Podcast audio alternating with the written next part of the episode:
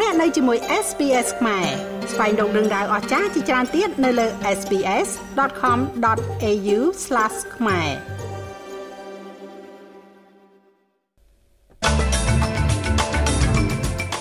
កំណើនប្រាក់ឈ្នួលប្រចាំឆ្នាំរបស់អូស្ត្រាលីបានកើនឡើងលឿនជាងអតិផរណាស្ថាបនិក WikiLeaks លោក Julian Assange ឈឺធ្ងន់មិនអាចចូលរួមក្នុងសវនាការប្រឆាំងនឹងការធ្វើបច្ចុប្បន្នរូបលោកទៅអាមេរិក។ ក្រុមសម្ព័ន្ធមេធាវីអូស្ត្រាលីអំពាវនាវឲ្យការកាន់កាប់កញ្ឆាคล้ายទៅជារឿងស្របច្បាប់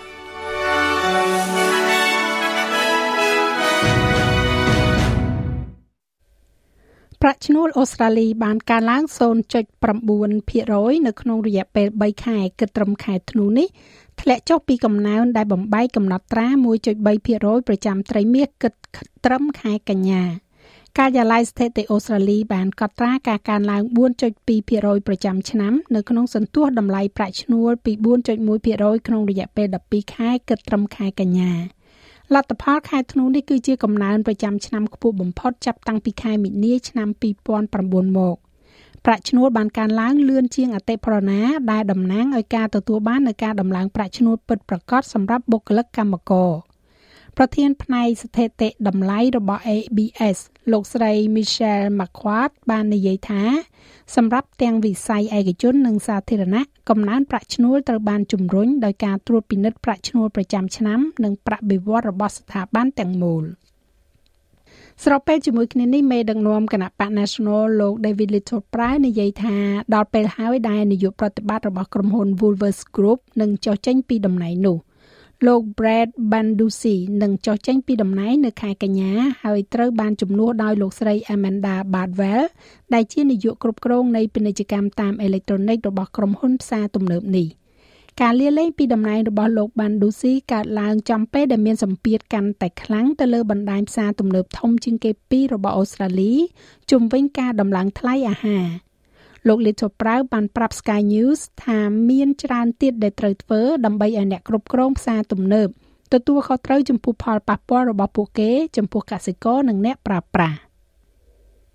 These guys um uh, have led organizations that have អ្នកទាំងនេះបានដឹកនាំអង្គភាពដែលបានបាត់បង់ត្រីវិស័យសិលធម៌និងអាជ្ញាប័ណ្ណសង្គមដើម្បីប្រតិបត្តិការនៅក្នុងប្រទេសនេះហើយឥឡូវនេះវាដល់ពេលហើយសម្រាប់ពួកយើងក្នុងនាមជាសមាជិកសភាដើម្បីនាំយកការពិន័យដ៏ធំនិងទាមទារឲ្យ ACCC ទទួលខុសត្រូវលើការស៊ើបអង្កេតនិងការដាក់ទណ្ឌកម្មរដ្ឋាភិបាលបានបង្គាប់ឲ្យគណៈកម្មការប្រគល់ប្រជែងនិងអ្នកប្រើប្រាស់អូស្ត្រាលីពិនិត្យមើលលើតម្លៃនិងការប្រគល់ប្រជែងនៅក្នុងវិស័យនេះ។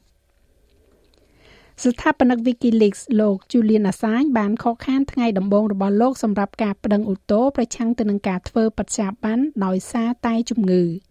មេធាវីរបស់លោកអាសាញបានចាប់ផ្ដើមបណ្ដឹងឧទ្ធរប្រឆាំងនឹងការធ្វើបច្ចាប័នរបស់លោកទៅកាន់សហរដ្ឋអាមេរិកបើទោះបីជាអវត្តមានរូបលោកក៏ដោយដែលលោកអាចប្រឈមនឹងការជាប់ពន្ធនាគាររហូតដល់ទៅ175ឆ្នាំទៅលើការចោទប្រកាន់ពីបទចារកម្ម។ កាលពីសប្តាហ៍មុនសភាតំណាងប្រទេសអូស្ត្រាលីបានអនុម័តញត្តិមួយជំរុញឲ្យរដ្ឋាភិបាលសហរដ្ឋអាមេរិកនិងចក្រភពអង់គ្លេសអនុញ្ញាតឲ្យលោក Julian Assange ត្រឡប់មកអូស្ត្រាលីវិញលោកឧបនាយករដ្ឋមន្ត្រី Richard Marles បានប្រាប់ ABC ថាលោកចង់ឃើញករណីនេះត្រូវបានដោះស្រាយ។ what we want to see is resolution um obviously we អ្វីដែលយើងចង់ឃើញនោះគឺការដោះស្រាយជាក់ស្ដែងយើងគោរពឯករាជ្យភាពទាំងប្រព័ន្ធតុលាការរបស់ចក្រភពអង់គ្លេសនិងសហរដ្ឋអាមេរិកហើយយើងពិតជាគោរពចំពោះរឿងនោះណាស់និយាយយ៉ាងសាមញ្ញថារឿងនេះមានរយៈពេលយូរយារណាស់មកហើយហើយនេះគឺជាកលៈទេសៈដែលត្រូវតែដោះស្រាយ ក្រមសម្ព័ន្ធមេធាវីអូស្ត្រាលីបានអំពាវនាវឲ្យការកាន់កាប់កញ្ឆាคล้ายទៅជារឿងស្របច្បាប់នៅក្នុងប្រទេសអូស្ត្រាលីនៅក្នុងសវនាការជាសាធារណៈលើកដំបូងសម្រាប់ការស៊ើបអង្កេតរបស់សភាក្នុងការធ្វើឲ្យស្របច្បាប់នៃការកាន់កាប់កញ្ឆានៅក្នុងប្រទេសនេះសមាគមថ្នាក់ជាតិនេះបានគ្រប់គ្រងច្បាប់ដែលបានស្នើឡើងនិងធ្វើឲ្យការកាន់កាប់និងការប្រើប្រាស់គ្រឿងញៀនកញ្ឆាគឺជារឿងស្របច្បាប់ ការស៊ើបអង្កេតនេះបង្កឡើងដោយការដាក់ចេញនូវសេចក្តីព្រាងច្បាប់មួយដើម្បីផ្ដល់នូវភាពស្របច្បាប់ដល់ការកាន់កាប់កញ្ឆាដោយសមាជិកសភាគណៈបក Greens គឺលោក David Sobridge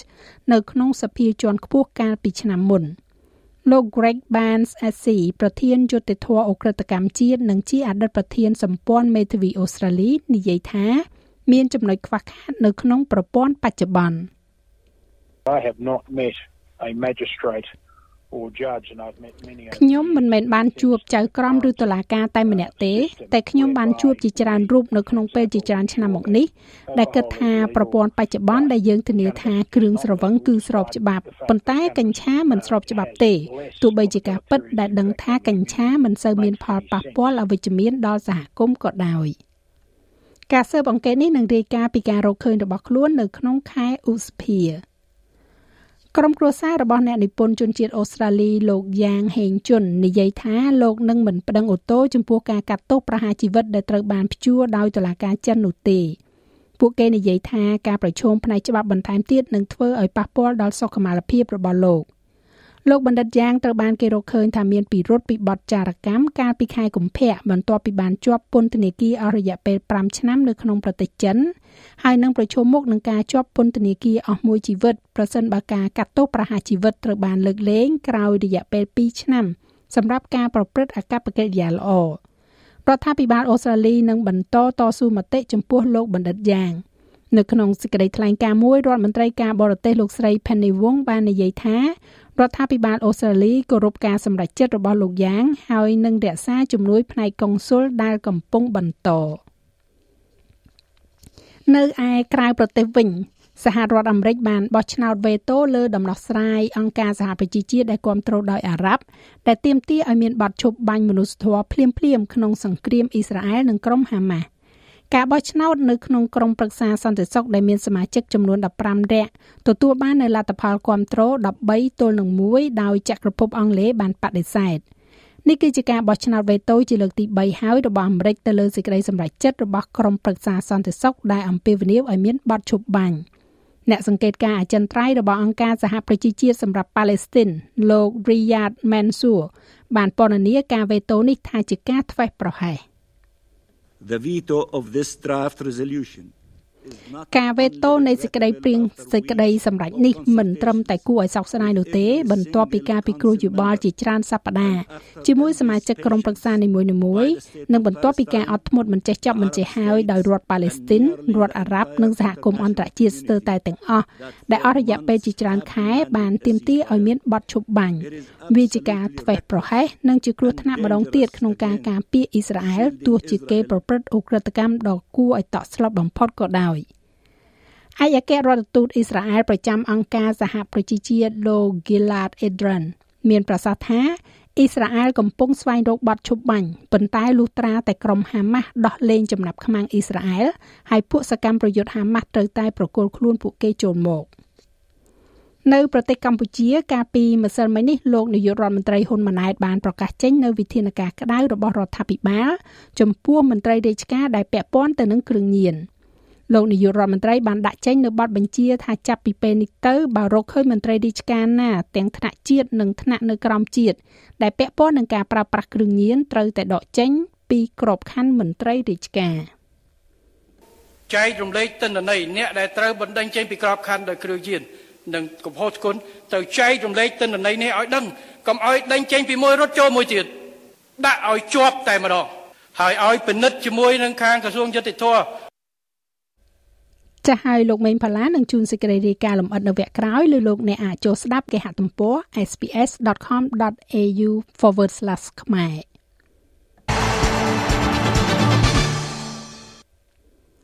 មហាសេដ្ឋីអង់គ្លេស Sir Jim Ratcliffe បានទិញភាគហ៊ុន25%នៅ Manchester United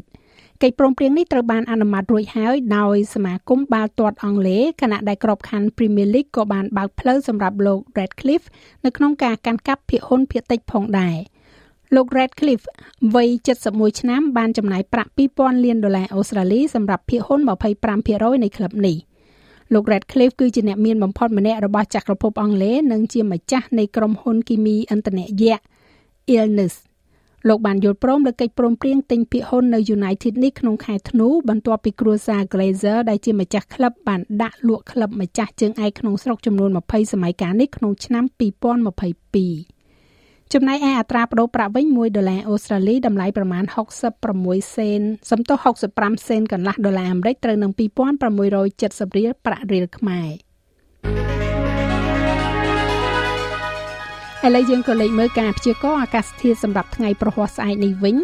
ទីក្រុងផឺតបើកថ្ងៃ34បើកថ្ងៃដែរនៅអាដាលេដ33មែលប៊ននឹងមានការផ្លាស់ប្ដូរត្រឡប់មកត្រជាក់វិញ36ហូបាត មានខ្យល់មានពពកដោយពេល35 Canberra និង Sydney មានពពកដោយពេល30អង្សា Brisbane ភាគច្រើនបើកថ្ងៃ32អង្សា Cairns រលឹម31អង្សា Darwin រលឹមអាចនឹងមានព្យុះ33អង្សា និងនៅទីក្រុងភ្នំពេញភាគច្រើនបើកថ្ងៃ35អង្សា